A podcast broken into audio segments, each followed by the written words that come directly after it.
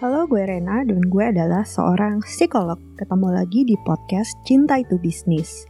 Sebelum gue memberitahu mengenai materi di episode kali ini, gue mau cerita dulu. Jadi di awal tahun ini, gue dan dua orang teman gue, namanya Agnes Kita dan Muti Juhari, memutuskan untuk melakukan penelitian kualitatif soal pengguna dating apps di Indonesia kami dibantu oleh satu tim peneliti yang dipimpin oleh Mahendra Gudakesa. Jadi kami melakukan wawancara terhadap 12 pengguna dating apps di Indonesia. Hasilnya menarik banget. Pengennya sih kami bisa menerbitkan buku. Tapi sebelum bukunya rampung, ada beberapa data-data dari penelitian tersebut yang mau gue manifestasikan dalam bentuk-bentuk lainnya, seperti podcast. Ada beberapa kesimpulan menarik dari penelitian yang gue lakukan, tapi untuk episode kali ini gue cuman akan membahas soal stigma bahwa dating apps itu tempatnya orang cari hookups atau casual sex doang. Jadi sebenarnya orang-orang di dating apps itu nggak mau cari long term relationship. Bener nggak sih begitu? Menurut kalian gimana? Sebelum gue bahas lebih lanjut, gue mau minta tolong dulu bagi kalian yang belum follow Potluck Podcast untuk follow Potluck Podcast di Spotify bagi kalian yang udah follow Potluck Podcast, kalau kalian emang suka episode ini dan suka podcast Cinta Itu Bisnis, maka gue akan sangat menghargai kalau kalian share ini ke teman-teman kalian atau di sosial media kalian. Karena dukungan kalian akan sangat berarti buat keberlangsungan podcast ini.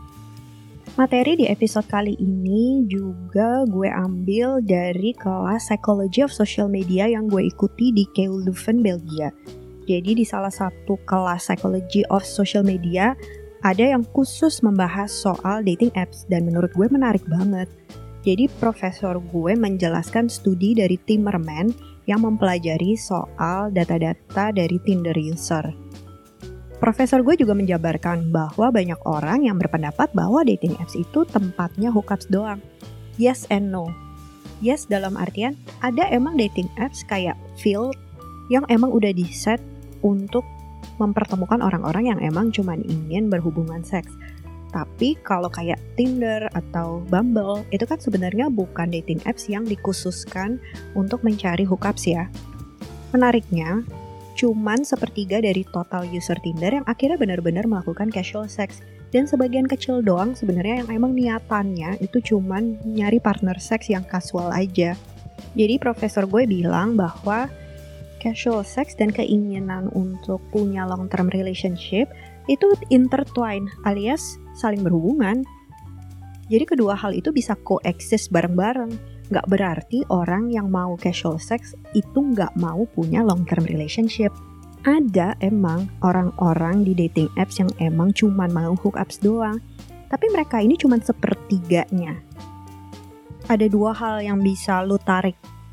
Pertama, kalau ada orang yang lo ketemu di dating apps melakukan casual sex sama lo, itu nggak berarti dia nggak mau punya long term relationship sama lo.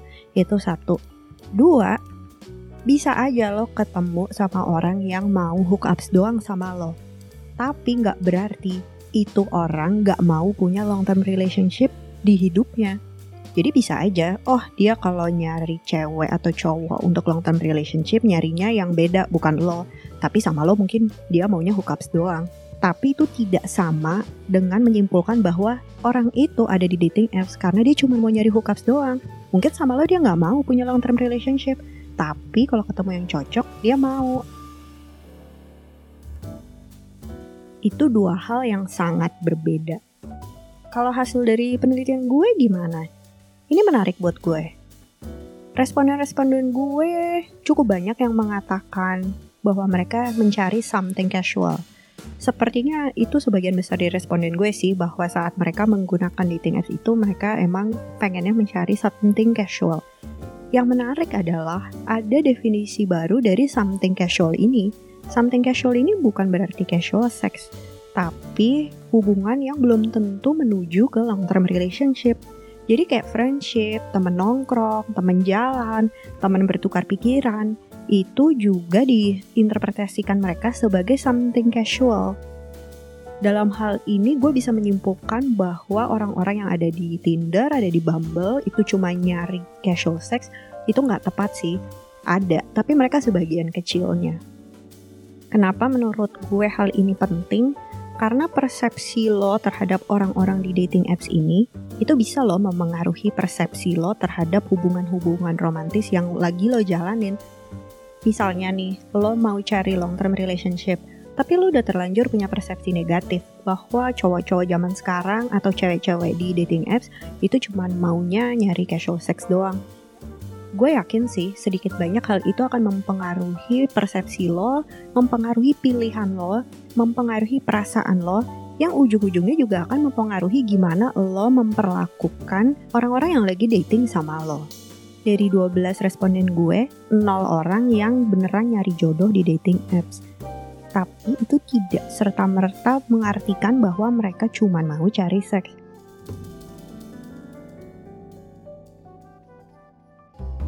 ya itu tadi ada yang nyari temen, ada yang nyari orang untuk bertukar pikiran. Yang penting definisi something casual ini perlu diperjelas bahwa itu tidak selalu berarti casual sex. Gue bisa bilang bahwa episode ini semacam pembelaan terhadap dating apps yang dipercaya beberapa orang sebagai penyebab dating is not great again dating apps itu memudahkan kalian untuk ketemu orang di luar social circle kalian. Tapi dating apps itu tidak membuat manusia secara umum jadi nggak mau punya long term relationship lagi. Bahwa ada casual sex yang terjadi dan dimudahkan oleh dating apps itu mungkin betul karena lo jadi gampang kan ketemu orang. Tapi sebenarnya orang yang lagi pengen hookups doang, ya ada atau nggak ada dating apps juga akan punya keinginan seperti itu dan orang yang emang mau punya long term relationship juga keinginannya tidak akan berubah dengan keberadaan dating apps ini. Lo lihat kan, zaman sekarang, zaman dating apps itu sudah mulai populer, toh orang tetap menikah juga kan? Kayaknya itu aja sih dari gue untuk episode kali ini. Mungkin nanti ada beberapa hal-hal menarik lain atau insight-insight dari pembelajaran gue soal dating apps ini yang akan gue buat dalam bentuk podcast. Jadinya terus ikutin aja podcast Cinta Itu Bisnis. Kalau kalian mau tahu soal episode-episode terbaru Cinta Itu Bisnis, kalian bisa follow Instagramnya Potluck Podcast di @potluckpodcast. P O D L U C K podcast. Potlucknya pakai D delta. Kemudian, gue juga mau ngasih tahu kalau Cinta Itu Bisnis ini bagian dari jaringan Potluck Podcast. Di Potluck Podcast, kalian bisa dengerin podcast soal buku, soal film, dan banyak topik-topik lainnya. Kalau kalian punya pertanyaan atau komentar, kalian bisa komen di feed-feednya Cinta Itu Bisnis yang ada di Instagramnya Potluck Podcast, atau kalian juga bisa DM gue di @ibu.rt. Sampai jumpa lagi di episode Cinta Itu Bisnis berikutnya. Thank you buat kalian yang udah mendengarkan ya.